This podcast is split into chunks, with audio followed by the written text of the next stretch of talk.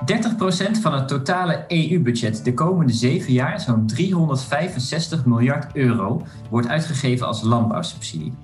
En afgelopen week stond de vergroening hiervan op de agenda van het Europese parlement. Deze aflevering staat, hoe kan het ook anders, geheel in het teken van het Europees landbouwbeleid.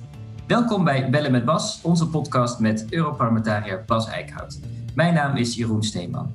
Helaas voorlopig niet vanuit de studio, maar we hebben Bas aan de andere kant van de lijn. Dag Bas, fijn je weer te spreken. Ja, uh, goedemorgen Jeroen. Goed, we gaan het dus hebben over het Europees landbouwbeleid. En in Brussels jargon, om dat maar meteen uit de weg te hebben, is dat uh, eh, GLB of CAP. En dat staat dan voor Common Agricultural Policy. Um, dat bedrag is vastgesteld door de EU-regeringsleiders. Maar de invulling van het beleid ligt dus nu bij de Europese ministers en het Europese parlement. En beide namen afgelopen week hun standpunt in voor de komende onderhandelingen. En daar valt nogal wat over te, te zeggen. Um, daarom, in deze aflevering, we gaan het eerst hebben over het huidige landbouwbeleid, hoe dat nu precies georganiseerd is, waarom dit vergroening tegenwerkt en het grootste deel van het geld eigenlijk in de zakken van de grote boeren terechtkomt. Daarna gaan we kijken naar de plannen om dat te moderniseren en hoe het Europees Parlement die afgelopen week afschoot. En tenslotte hebben we het dan over de verdere stappen die de progressieve krachten kunnen zetten om er toch voor te zorgen dat dit enorme deel van de Europese begroting bijdraagt aan onze strijd tegen klimaatverandering. Um, laten we even beginnen met een, een klein stukje, uh, toch maar geschiedenisles. Um, het Europees landbouwbeleid is echt een van de, een van de pilaren van het, uh, um, van de Europese Unie. Ik ga nu zeker Mansholt noemen. Ik heb, ik, heb, ik heb gedacht, moet ik Mansholt noemen of niet? Ik dacht, nou, dat gaat wel heel erg, uh, heel erg ver. Oh, oké. Okay, okay. Geen, geen Mansholt, oké. Okay. Nee. Maar goed, het is, ja, goed, we hebben het wel over, over die tijd inderdaad zo, na de, na de Tweede Wereldoorlog. Um, uh, er was natuurlijk een enorme hongersnood in, in Europa. En het was voor de, de Europese politici, die begonnen inderdaad te denken over samenwerken. En die zeiden van, weet je wat, we moeten in ieder geval voorkomen dat we ooit nog honger lijden in, in Europa. We moeten zorgen dat we onze landbouw gaan, gaan steunen. Ja, ja, ja nee, klopt helemaal, Jeroen. Nee, dat, dat, je, je kan op zich zeggen dat het een, um, een, een uitermate succesvol beleid was in den begin. Het, het, het kwam echt uit het, uh, uit het idee, we mogen in ieder geval nooit meer honger hebben. En uh, ja, landbouw is natuurlijk heel kwetsbaar voor oorlog. Dat was dan vooral het referentiekader. En uh, men was ook zeker onzeker hoe de toekomst zich zou gaan ontwikkelen. Hè, met, met toch vrees voor het communisme in het oosten. Dus in ieder geval was wel het gevoel van we moeten zelf als continent, als Europa, nou goed, dat begon dan met zes lidstaten, moeten we voor onze eigen voedselvoorziening gaan zorgen. Nou ja, daar is een, uh, ja, je, je zou kunnen zeggen, een redelijk succesvol uh, beleid uitgekomen. Dat de voedselproductie uh, in, in Europa, in die lidstaten, flink heeft doen toenemen. En eigenlijk uh, het idee van dat we honger uh, zouden lijden, is, is inderdaad uh, ver weggeraakt. Je kan alleen zeggen dat het zo succesvol was dat we uiteindelijk te veel gingen produceren. En, en nou ja, toen, toen kwamen natuurlijk de kritieken op de boterbergen en de melkplassen. Um, dat is nu ook wel weer iets uh, uit het verleden, maar dat was toch een soort gevolg van een te succesvol landbouwbeleid. Dus um, nou ja, daar, daar, vervolgens is dat ja, de hele discussie geweest van hoe gaan we ervoor zorgen dat we wel productie doen, niet te veel. Nou, allerlei wijzigingen, maar de basis tot heel lang is altijd geweest voedselproductie en dat stimuleren. Maar goed, toen kwamen inderdaad de, de, de, de, die overproductie wat een beetje tegen te gaan, kwamen we een beetje uit bij de, bij de melkquota. Hè? Dus dat was, de boeren mochten maar een beperkt aantal, uh, ja precies, een beperkt aantal, eh, of een beperkt hoeveelheid melk produceren en verkopen inderdaad, tegen een vaste prijs. Maar goed, dat had ook wel allemaal, uh, nam allemaal weer problemen met zich, met zich mee. Dat is ook weer afgeschaft uiteindelijk. Um, maar wel voor gevolg dat, dat de prijzen vooral heel erg gingen, gingen dalen. Hè? Dus dat was, uh, de boeren kregen steeds minder uh, betaald voor hun, uh, voor hun producten. Um, dat, dat lijkt een beetje een soort spiraal naar beneden, wat heel erg schaalvergroting stimuleert. Een boer om rond te kunnen komen moet steeds een groter bedrijf hebben, steeds groter produceren. En aan de andere kant wordt er steeds minder verdiend in die, in die sector. Ja, dat heeft natuurlijk ook mee te maken dat we, dat we uiteindelijk ook in die loop der tijd die markt ook een beetje als reactie hè, voor die, die overproductie en, en het gevoel van dat het een overgereguleerde sector was, is er dus ook veel meer uh, ja, marktwerking uh, in, in de sector gekomen. Um, hè, dat, dat, nou ja, uh, die marktwerking, dat, dat, dat adagium zien we in meerdere sectoren natuurlijk in de jaren 80 en de jaren 90. Uh, dus dat is ook zeker in de landbouwsector. Dit is verder geliberaliseerd, uh, meer op de wereldmarkt terechtgekomen. Uh, en, en ja, goed, wat natuurlijk eh, het, het bijzondere is aan de landbouwsector, dat, dat, dat, is, dat is niet een heel. Ja, die, die voedselketen. Je hebt gewoon heel veel producenten, je hebt heel veel consumenten. En daartussen heb je een paar spelers die eigenlijk de marktmacht hebben. En, ehm, en, en, en dat zorgt er inderdaad voor dat die winstmarges met name in dat tussenstuk zitten en heel erg beperkt bij de producenten, de boeren. Dus uh, ja, je kan toch ook wel zeggen dat, dat in die zin het idee van een volledig geliberaliseerde uh, landbouwmarkt ook geen goed idee is geweest. En, en ik denk dat dat besef ook wel steeds meer doordringt. Dus dat er een, een landbouwbeleid nodig is, dat er landbouwsubsidies nodig zijn. Ja, ik denk dat dat. Nou ja, er zijn misschien nog een paar diehard liberalen die, dat, uh, die zich daartegen verzetten. Uh, maar ja, wij vinden wel, er moet landbouwbeleid zijn, er moeten, uh, er moeten subsidies zijn, die, die zijn er met een goede reden. Maar uh, laten we dat dan wel eens even goed gaan kijken hoe we dat op een goede manier kunnen besteden. En langzaam maar zeker zijn we nu wel in die discussie terechtgekomen. Ja, precies. Want we weten allemaal dat de boeren het, het moeilijk hebben, hard werken en weinig uh, betaald krijgen, inderdaad. Dat moet anders. Tegelijkertijd hebben we ook nog te maken met, met de klimaatcrisis, biodiversiteitscrisis. Uh, daarin speelt landbouw ook een, een, belangrijke rol. Dus, dus dat het herzien moet worden, dat, dat lijkt me logisch. Ja, nou ja, dat is een beetje natuurlijk het gevolg van die, die verdere schaalvergroting. Uh, deels is ook door die liberalisering, maar door het Europese landbouwbeleid zeker verder ook aangejaagd. Hè, omdat uh, in de loop der tijd is er dus meer geld gegaan naar uh, ja, per hectare. Nou ja, hoe meer, hoe meer je dus produceert, hoe meer subsidies je kan krijgen. Maar puur door die liberalisering zit die schaalvergroting er ook al in.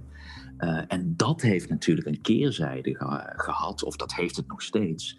Dat uh, leidt tot biodiversiteitsverlies. Kijk gewoon even naar de stand van de weidevogels, uh, die in Europa en zeker ook in een land als Nederland gigantisch achteruit hollen.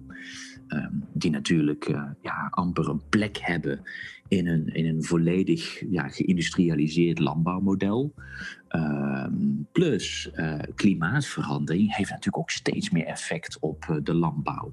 Zowel, ehm, zowel zeg maar op landbouw. Ik bedoel, ehm, in de landbouw zullen we steeds meer rekening moeten houden met extremen. Hè, dan wel neerslag, dan wel droogteperiodes. Ja, daar, daar kan natuurlijk een zeer monomaan landbouwmodel ook moeilijk mee omgaan. Maar uh, denk ook even aan uh, grote, grote hoeveelheden nou ja, dieren. Dat zorgt ook voor een gigantische uitstoot van broeikasgassen. Dus de sector draagt ook bij aan, aan klimaatverandering. Nou ja, dat alles, ja, dat begint nu wel de nieuwe grote uitdaging van de landbouwsector te worden. En ja, wat ons betreft moet dus ook het Europese landbouwbeleid nu echt serieus die stap gaan zetten.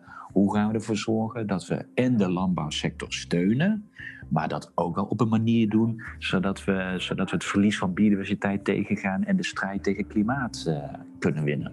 Ja, dat is nu het debat. Ja, ja we, lopen, we lopen allebei al een tijdje, een tijdje mee. Um, de, de vorige herziening hè, van het landbouwbeleid, want dat is dus zo'n cyclus van, van zeven jaar, was in 2013.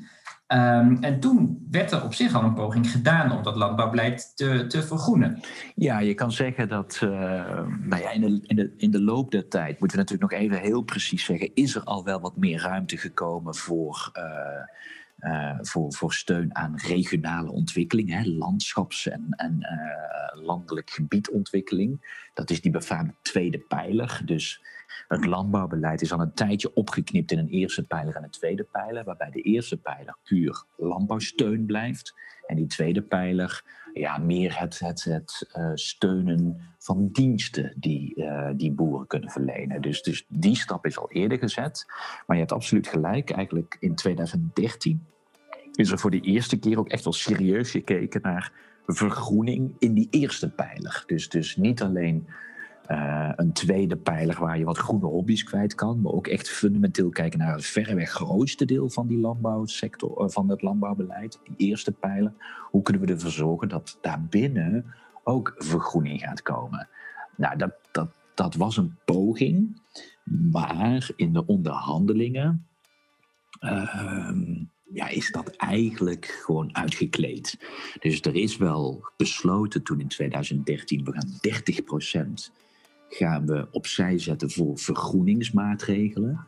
Maar vervolgens uh, zijn er drie maatregelen uh, zeg maar opgelegd, die alle drie ja, eigenlijk, dat wisten we toen al. Ik, ik denk dat we onze persberichten van toen er wel bij kunnen halen. Want wij hebben toen tegengestemd met een van de belangrijkste argumenten. Ja, deze vergoedingsmaatregelen, die zijn zo uitgekleed. Dit gaat niks doen.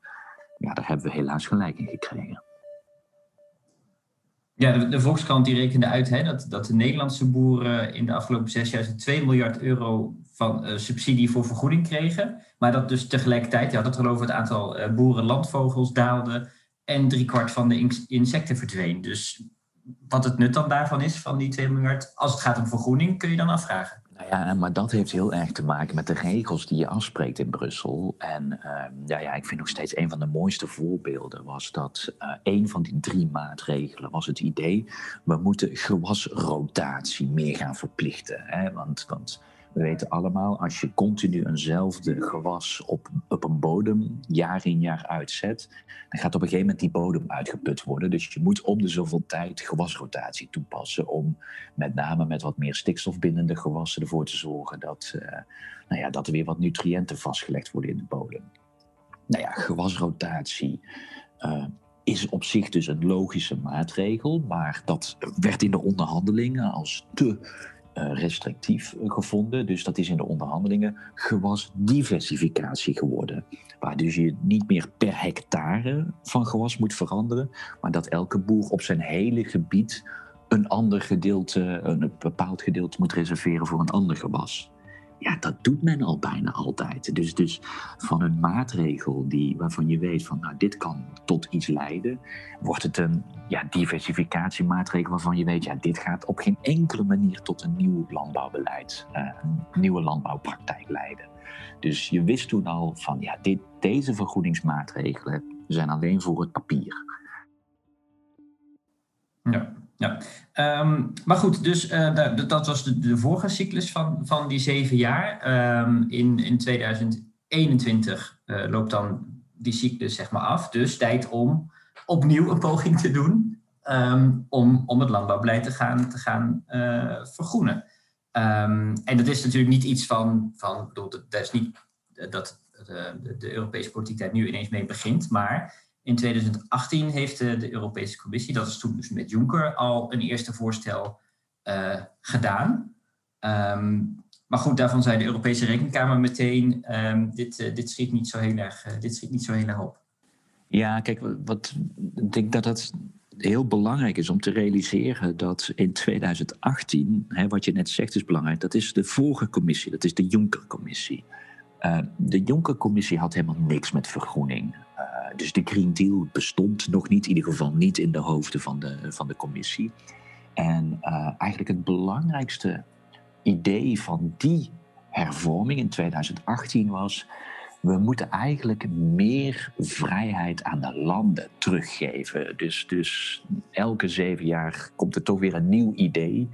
En de commissie van toen vond het uh, vooral van belang van, ja, uh, misschien waren al die maatregelen te veel opgelegd vanuit Brussel. Dus laten we meer flexibiliteit aan lidstaten laten. Dat was ook de reden dat er toen heel veel kritiek was voor, oh, gaan we nu het landbouwbeleid hernationaliseren? Uh, wij waren daar ook kritisch op, al in 2018. Vooral omdat ja, als je meer vrijheid voor landen gaat geven, waar ik me heel erg iets bij kan voorstellen. Hè? Ik bedoel, ja, uh, landbouw is anders dan het Nederlandse landbouw. Um, dus misschien geen gek idee om iets meer ruimte voor implementatie te geven. Maar dan moet je wel heel erg duidelijk de voorwaarden gaan, gaan definiëren. Hè. Op welke voorwaarden mogen landen dan die subsidies gaan verstrekken? Want als je dat te vrij laat, ja, dan gaat elk land het zo, zo makkelijk mogelijk invullen. Dus uh, in 2018, Green Deal bestond nog niet. Uh, was het voornaamste dus die, die, die ja, meer flexibiliteit voor lidstaten. Daar werd toen al wel gesproken over eco-regelingen, maar dat was niet gekwantificeerd, dat was uh, niet duidelijk vormgegeven. Um, dus, dus wij waren uitermate kritisch op, op dat voorstel, omdat het eigenlijk qua vergroening een stap terug was. Ja, maar goed, toen kwamen de, de Europese verkiezingen er tussendoor. Um, daar zagen we een grote winst voor partijen die die strijd tegen klimaatverandering echt willen, willen oppakken. Onze groene fractie is enorm uh, gegroeid. En dat zagen we ook meteen wel terug in de plannen van de nieuwe Europese Commissie. Want Wil uh, Timmermans werd, werd uh, eurocommissaris op klimaat. Het werd een van de, van de prioriteiten van de nieuwe commissie. Ja, maar, um, en ik kan me nog herinneren toen wij in december ont, uiteindelijk ons onthielden van stemming uh, op die nieuwe commissie. Hè. De nieuwe commissie moest in, uh, in, ingestemd worden door het parlement. En ze hadden beloofd om de Green Deal centraal te zetten. En inderdaad, Frans Timmermans, eerste uitvoerende vicevoorzitter op de Green Deal. Dus iedereen had zoiets van, nou, groene, dat is toch helemaal jullie agenda. Maar onze kritiek was toen wel, ja, op een aantal sleutelpunten zien wij gewoon niet dat de commissie, behalve dus ja, qua prioriteit Green Deal, dat echt vertaalt naar nieuwe voorstellen. En onze grootste kritiek was landbouw. Wij hebben meteen gezegd, als je serieus bent, dan moet je dat voorstel van de oude commissie herzien. En dat betekent terugtrekken en met een nieuw voorstel komen, waardoor je eigenlijk de Green Deal incorporeert in het voorstel voor het nieuwe landbouwbeleid. En dat heeft de commissie niet gedaan. Hè? Ursula von der Leyen heeft letterlijk dat tegen ons gezegd: van dat ga ik niet doen. Ja, toen was het wel voor ons van ja, die Green Deal is geweldig als ambitie. Maar op een aantal hele belangrijke terreinen, en voor Europees landbouwbeleid heel belangrijk, ja, moet je dit toch echt serieus aanpakken. En dat was wel een van de voornaamste redenen waarom wij op dat moment vonden van ja, we gaan hier nu niet even de, de commissie op de blauwe ogen geloven. En uh, zolang zoiets als landbouwbeleid blijft hangen, ja, moeten wij nog zien of de Green Deal in de praktijk echt gaat leveren. Ja, en, um, maar goed, daar zat ook iets achter, tenminste, dat, dat, dat idee hebben we een beetje. Hè. Er zijn natuurlijk, uh, om even uit te leggen, net als in, in, in Nederland heb je ministeries en in de Europese politiek heette dat dan uh, DG's. En daar, zijn, daar is een soort van apart ministerie voor klimaat en natuurlijk een apart ministerie van landbouw. En dat zijn niet elkaars beste vrienden, geloof ik, om even zacht uh, uit te drukken. Nou ja, het zal je niet verbazen dat, dat zeg maar het Green Deal-idee, uh, dat natuurlijk wel in de hoofden zit van Ursula von der Leyen en Frans Timmermans, ja, dat is nog niet door alle lagen van de Europese Commissie heen uh, gedruppeld. En je kan je er iets bij voorstellen dat, dat in het ene DG, ene ministerie, Green Deal sneller landt dan in een ander DG. Uh, en ja, je hebt absoluut gelijk. DG Landbouw, nee, daar, daar iets als een Green Deal is nou niet iets wat meteen uh, heel veel applaus krijgt daar. Nee, dat klopt. Oké, goed. Nou, um, dus de, de, de, na, na, de verkiezingen uh, opnieuw een kans, althans voor ons, ook vanuit de Groenen in het Europees Parlement. Um, als je nou zelf inderdaad zou mogen zeggen, van wat zijn nou echt de, belangrijkste prioriteiten voor jou, voor de Europese Groenen, in dat, in dat landbouw, landbouwbeleid? Hoe zou je dat, dat vormgeven? Nou ja, kijk, dan, dan denk ik echt dat, dat in die zin, hè, om de geschiedenis even vol te maken, eh, dan, dan mei 2020, dus mei afgelopen, afgelopen mei, mei dit jaar, uh, toen kwam de commissie, hè, want die is in het hele voorjaar op alle specifieke sectoren met dan een, een, een soort, soort precieze strategie gekomen. Hè. Wat betekent die Green Deal voor de verschillende sectoren? En in mei kwam men met de biodiversiteitsstrategie en uh, een specifieke landbouwstrategie, de farm-to-fork-strategie, van, van boerderij tot, uh, tot vork, hè, uh, van boer tot bord, om het in een allitererende vorm te houden. Um, eigenlijk als je die teksten leest, dan, dan heb je echt het gevoel van ja, de commissie ziet echt de, de goede uitdagingen, de goede problemen, maar ook wel de mogelijkheden om er wat aan te doen. En heeft eigenlijk zelfs hele concrete doelstellingen ook gedefinieerd. En niet alleen redelijk abstracte doelstellingen als het verlies van biodiversiteit tegengaan, maar ook heel concreet bijvoorbeeld het gebruik van pesticiden moet in 2030 gehalveerd zijn. Uh, dus, dus, dus hele specifieke doelstellingen waarvan je wel het gevoel hebt van ja, als we dit soort doelstellingen nou serieus nemen, ja, dan, dan denk ik echt dat je ook gaat werken aan een ander landbouwmodel. Want kijk, het, het, gebruik van pesticiden staat natuurlijk voor het huidige, uh, ja, toch wel landbouwmodel dat is ontwikkeld. Dat is zo grootschalig, kwetsbaar geworden. om ervoor te zorgen dat ziektes uh, niet heel makkelijk een weg kunnen vinden, gebruik je meer pesticiden. Ehm, dat zie je bij de veeteelt, het gebruik van uh, ook van, van, uh, van antibiotica. eigenlijk is dat hele model best wel technologisch kwetsbaar gemaakt. En, en als je dus wat goede doelstellingen formuleert om het gebruik daarvan te verminderen, ja, dan, zul je, dan zul je ook naar een nieuw landbouwmodel toewerken. En dat is natuurlijk wat wij willen uiteindelijk. En uh, nou ja, dat, dat wordt dan in het Nederlands natuurinclusieve landbouw genoemd. Eh, er zijn ook vormen als, als de samen, samengaan van landbouw en bosbouw. Uh, allemaal vormen van landbouw die mogelijk zijn, maar die wel ja, een nieuwe manier van, van boeren met zich meedragen. en dat vraagt dus ook echt wel een forse verandering. Dus dat, is niet, dat moet je ook niet onderschatten. maar ja, daar kun je wel je subsidies op inzetten. Dus in ons gevoel was het wel toen in mei die farm-to-fork-strategie kwam met al die doelstellingen, hadden wij zoiets van: ja, dit is nu het moment om die doelstellingen ook bindend te maken voor de landbouwsubsidies. Dus als je het hebt over, we gaan nu vervolgens aan de landen vragen om met een strategisch plan te komen hoe ze hun landbouwsubsidies gaan besteden, ja, leg dan die landen op van oké, je hebt je flexibiliteit, maar ga in ieder geval deze farm-to-fork doelstellingen, daar moet je gewoon op leveren. En hoe je dat precies doet, dat mag je dan vervolgens per land wat flexibel invullen. Maar die doelstellingen moet je aantoonbaar maken dat je daarop gaat leveren. Dus verminder de uitstoot van broeikasgassen, verminder het gebruik van pesticiden, verminder het gebruik van uh, antibiotica, uh, meer bescherming van biodiversiteit. Hè. Dat zijn gewoon hele concrete doelstellingen en daar moet je op gaan leveren. Um, dus wij hadden gehoopt van, nou, nu met die farm to fork Ehm, kun, je, kun je ook echt concreet je doelstellingen in je landbouwbeleid, in je GLB, uh, verbeteren. De commissie heeft ook toen in mei uh, een analyse gemaakt van goed, hoe in hoeverre is het huidige GLB-voorstel, het landbouwvoorstel van die oude commissie, in hoeverre past dat nou bij onze farm-to-fork-strategie? En de conclusie van de commissie was ook, nou, eigenlijk zit er nog wel een flinke kloof tussen, maar dat is op te vangen met dus bijvoorbeeld die doelen verplichtender te maken.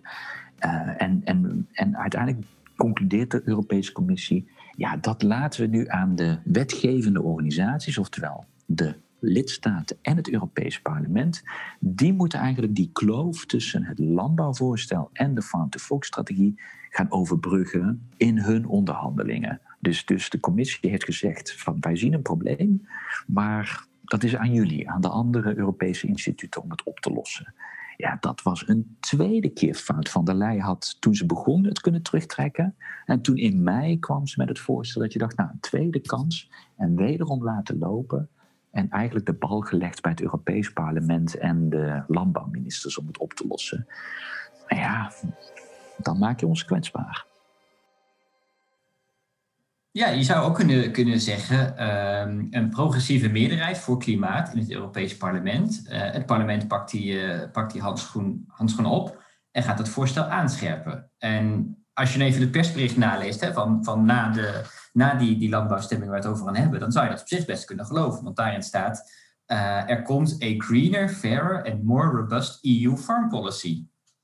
Maar goed, dat is niet helemaal wat er gebeurde in de, in de stemming in het Europese parlement. Nee, nou ja, kijk, wat je dus in ieder geval ziet is dat iedereen wel aanvoelt van ja, al deze vergroeningsdruk moeten we ook wel, uh, moeten we in ieder geval iets mee in onze communicatie. Uh, dus dat, dat zou je kunnen zeggen. Nou, dat is in ieder geval gelukt. Dat is een minspuntje, ja, oké. uh, iedereen, iedereen noemt het in ieder geval. Maar ja, als je gaat kijken naar wat, er, wat er gebeurd is in de onderhandelingen, nee, dan, dan nog de landbouwministers, nog het Europees Parlement hebben eigenlijk die, die kans om, om, die, om die brug te slaan naar de farm-to-fork-strategie, hebben we helemaal gemist. Om een paar voorbeelden te noemen. Ehm, die doelstellingen van de Farm to Fork, die concrete doelstellingen, die er dus ingekomen, die ingefietst hadden moeten worden, is niet gebeurd. En onze poging met amendementen om dat erin te krijgen, zijn weggestemd. Dus ehm, het parlement wilde dat niet. Bij de landbouwministers is het ook uh, amper besproken. Um, is um, die, de voorwaarden die voor het algemene geld gelden, hè, dan, er zijn wat vergroeningsmaatregelen als algemene voorwaarden gaan gelden, die heeft het Europees Parlement zelfs afgezwakt. Dus eh, even een mooi voorbeeld met pesticiden. Je had dus in de oude voorstel, had de commissie ook wel over van, ja, misschien moet het gebruik van pesticiden wel verminderd worden. Dus dat hadden ze wel als een van de uh, een van de doelstellingen opgenomen, maar zonder kwantificering. Dus gewoon puur algemeen gezegd uh, vermindering pesticidengebruik. Ja, wat betekent dat? Uh, 1% minder is ook minder. Dus ehm, wij vonden dat moet je dus concreet maken. Halvering in 2030, zoals in de Farm-to-Fork-strategie. Wat is er gebeurd in het Europees Parlement deal?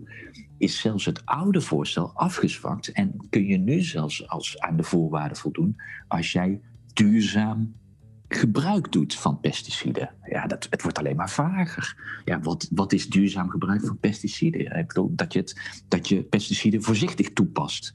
Uh, ik weet het niet. Iedere boer zou toch zeggen dat hij dat, dat, hij dat doet, inderdaad, toch? Doel... Ja, uiteindelijk denk ik dat iedereen zal claimen duurzaam uh, gebruik te doen van pesticiden. Ja. Dus, dus waarbij een formulering van de oude commissie al onvoldoende was. En dat Farm to Fork dat eigenlijk vroeg om, om scherper te maken, hebben het zelfs afgezwakt.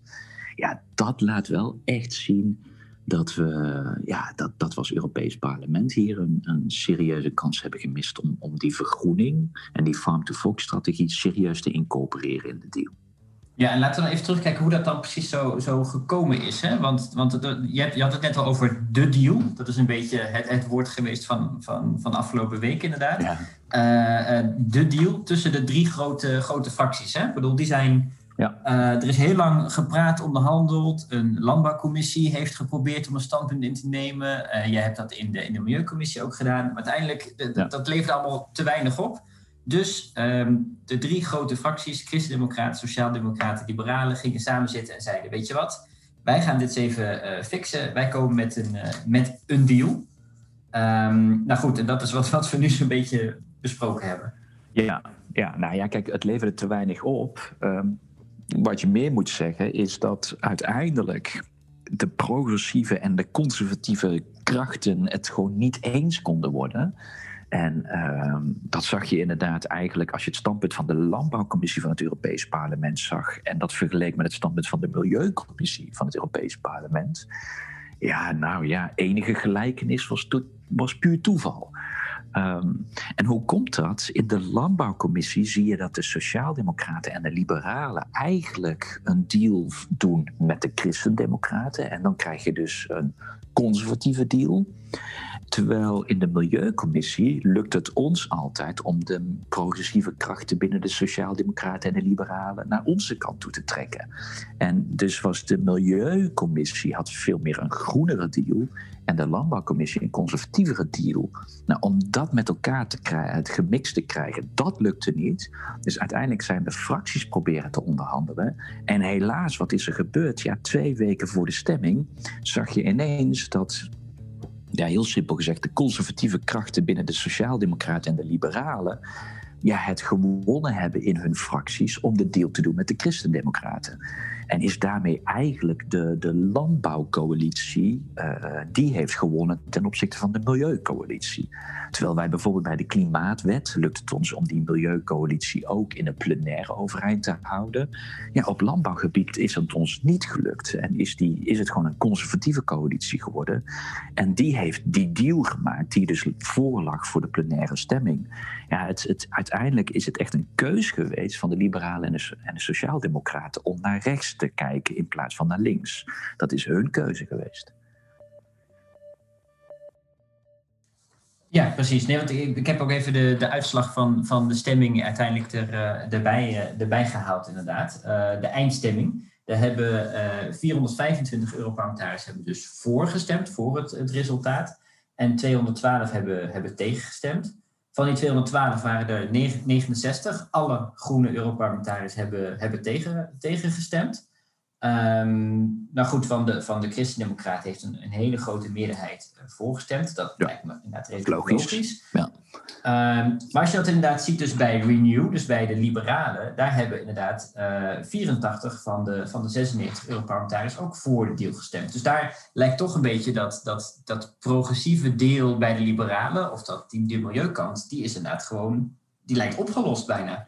Nou ja, en de sleutelpositie wordt hier natuurlijk door de Fransen ingenomen in Renew, hè, bij de liberalen. Uh, want je ziet bijvoorbeeld, uh, als je kijkt naar de Nederlandse stemmingen, dan heeft VVD voorgestemd en D66 tegen. Nou, dat is altijd een beetje de klassieke verdeling van het progressieve conservatieve gedeelte. Uh, maar bijvoorbeeld bij de klimaatwetstemming ja, was de VVD ook niet voor. Maar waren ze een kleine, kleine minderheid, terwijl ze nu dus in één keer de meerderheid waren. En ja, de swingvotes in die fractie zijn heel erg de Fransen, de partij van Macron. En ja, tot mijn spijt moet ik gewoon zeggen dat ook de meer ja, groene Europarlementariërs van de Fransen uh, dit uiteindelijk hebben opgegeven. En die hebben zelfs nog geprobeerd vorige week de deal te verdedigen. Uh, inclusief de voorzitter van de Milieucommissie, Pascal Canfin, die normaal een geallieerde is op de, in de groene strijd. Ja, die, die heeft deze strijd gewoon opgegeven en, en heeft uiteindelijk zich neergelegd bij de conservatieve deal. Ja, als binnen die liberale fractie zo'n heel duidelijk, wat toch wel groen gezicht, um, toch voor de landbouwdeal gaat stemmen, ja, dan zie je dat het verzet bij de liberalen gebroken is en er nog maar heel weinig progressieve overblijven om, om, om tegen die deal op te staan. Bij de Sociaaldemocraten zie je meer strijd. Ehm, eh, je kan zeggen meer chaos. Ehm, maar daar uiteindelijk. Ja. Nou ja, je hebt de cijfers. Ja, ja. Ja, ik, heb, ik, wacht even, ik zal, de cijfers even noemen. Die heb ik hier voor me inderdaad. voor, de, voor de mensen die meeschrijven, zou ik dat ook mooi kunnen zeggen. Um, van, de, van de 139 uh, Europarlementariërs die daar gestemd hebben van de Sociaaldemocraten, heeft 77, hebben 77 Europarlementariërs uh, ingestemd met deze deal. Dus dat is nou ja, ruim meer dan, meer dan de helft. Ja. ja, en daar zie je wel dat uiteindelijk, nou ja, de Scandinaviërs hebben zich onthouden. de Benelux, Fransen en Duitsers waren tegen, dus ook PvdA. En voor was Oost-Europa en Zuid-Europa, kun je een beetje basaal zeggen. En wat in die fractie ja, dus de doorslag geeft, zijn natuurlijk Spanje en Italië, die ook op klimaatgebied dan meegaan met het progressieve gedeelte uh, waren zij op het landbouwgebied dat ze met het conservatieve gedeelte hebben meegedaan. Dus daar waren het heel erg de Italianen en de Spanjaarden die binnen de Sociaaldemocraten ervoor zorgden dat, dat daar de meerderheid de verkeerde kant op ging, hè, vanuit mijn optiek. Dus, dus je ziet gewoon dat op landbouwgebied ja, andere krachten de overhand nemen bij de liberalen en de Sociaaldemocraten. En dat dan in één keer ja, de hele Green Deal implementatie strandt. Dat is helaas toch een trieste conclusie die je dan moet trekken. Ja, precies. volgens mij is dat een beetje dan het, onderliggende probleem dat we nu blootleggen. Dus aan de ene kant is er een progressieve meerderheid die zegt we moeten meer doen uh, tegen klimaatverandering. Hè. We willen de hogere doelen enzovoort. Maar landbouw is dan vervolgens weer waar de conservatieve krachten winnen. En waar, nou ja, wat dat dan weer tegenhoudt, dat is een beetje het, het, het, uh, nou de padstelling waar we in zitten, volgens mij, of niet? Ja, en dat zie je ook natuurlijk op, op eh, lidstaatniveau. Want de landbouwministers die bepalen dan het landbouwbeleid. Nou, daar zitten over het algemeen niet de meest progressieve types. Ehm, terwijl de regeringsleiders bijvoorbeeld in juli hebben gezegd: Nou, van het hele totale budget moet 30% naar klimaat gaan. Nou, de Europese Commissie heeft uitgerekend: als jij 30% naar klimaat wil laten gaan van het hele budget. Ja, landbouw is een derde van het budget. En je hebt andere investeringen die niet iets doen met klimaat in algemene zin. Dus als je het echt aan klimaat wil geven, dan zal landbouw, en dat hebben ze berekend, ongeveer 40% van het landbouwgeld moet naar klimaat gaan. Anders hebben we een probleem. Nou ja, dan vervolgens gaan de landbouwministers uh, gaan die met een deal komen waarvan nu de Europese Commissie al heeft berekend van ja, die 40% vergroening gaat met deze deal niet lukken. Dus ook de landen hebben een gigantische discrepantie tussen hun politieke beloftes door de regeringsleiders en dan de landbouwministers die, die het landbouwbeleid invullen en die 40% ver weg laten zijn. Dus uh, ja, zowel het Europees Parlement als, als de lidstaten hebben gewoon uh, ja, je kan zeggen, de, de, de, verkeerde woordvoerders op landbouw als je gaat kijken naar de overal Green Deal doelstellingen. En, en, en dat wreekt zich nu, dat wreekt zich in deze discussie absoluut. Ja, en dan komt eigenlijk dan de bal misschien weer te liggen bij, bij de Europese Commissie, waar we, waar we begonnen. Ik bedoel, zij hebben, uh, landbouw is geen, geen prioriteit aan zich van, van de Commissie, maar de Green Deal wel ja, je mag hopen dat het wel een prioriteit is voor de Europese Commissie. Maar uh, ik denk dat de Commissie dus fouten heeft gemaakt door dit eigenlijk deze bal te laten liggen bij, bij, de, bij de lidstaten en het Europees Parlement. Tot en met in mei aan toe zelfs expliciet gezegd, nou, jullie moeten dat oplossen.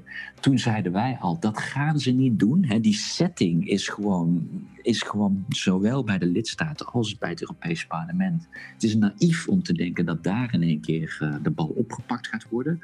Helaas hebben we dus gezien in de deals dat dat ook niet gelukt is. Dus ja, de, de bal komt wel weer een beetje terug uh, bij, uh, bij de Europese Commissie, absoluut. Ja, en, en wat, wat, wat kunnen we ze nog uh, vragen om, om te doen? Nou ja, volgens mij komt nu de grote vraag bij de Europese Commissie. wat, hoe willen we nu verder met dit voorstel? Hè, ze hadden in mei geconcludeerd, het voorstel loopt niet parallel, loopt niet synchroon met onze Green Deal ambitie. Hopelijk gaan de andere instituten dat, dat fixen. En de conclusie na deze week is heel duidelijk. Het Europees Parlement en de lidstaten hebben dat niet gefixt.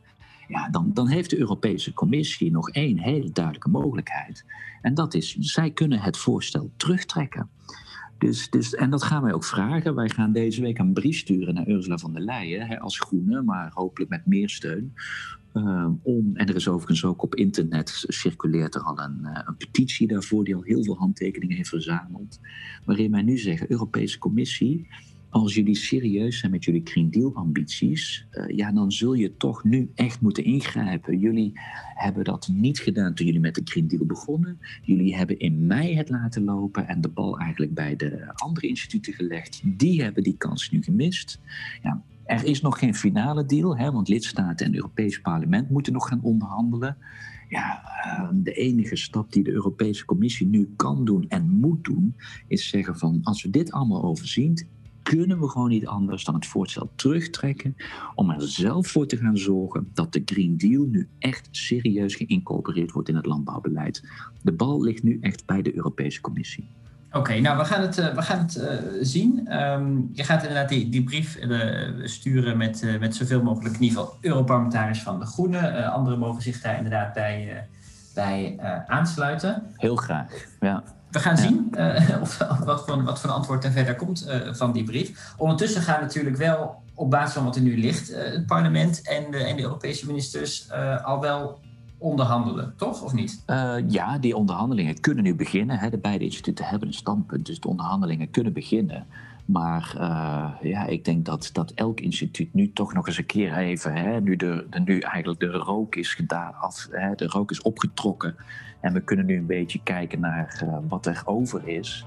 Ja, ik hoop dat in beide instituten men wel ziet van ja, zoals we nu gewoon doorgaan en blind gaan onderhandelen, hebben we een probleem. Dus, uh, dus, dus laten we hopen dat, dat, dat, dat bezinning nog uh, overal gaat optreden. Ja, nou we gaan het zien de, de, de komende tijd. We, we, blijven het in ieder geval uh, volgen. Dat zeker. Sowieso.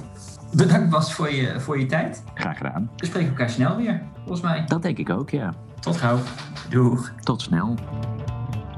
Dit was Bellen met Bas, een podcast van GroenLinks Europa en de Groenen in het Europese Parlement. Blijf op de hoogte van het Europese politieke nieuws via onze updates. Kijk op europa.groenlinks.nl slash update om je aan te melden. Met dank aan Studio Cloak voor de audiovormgeving.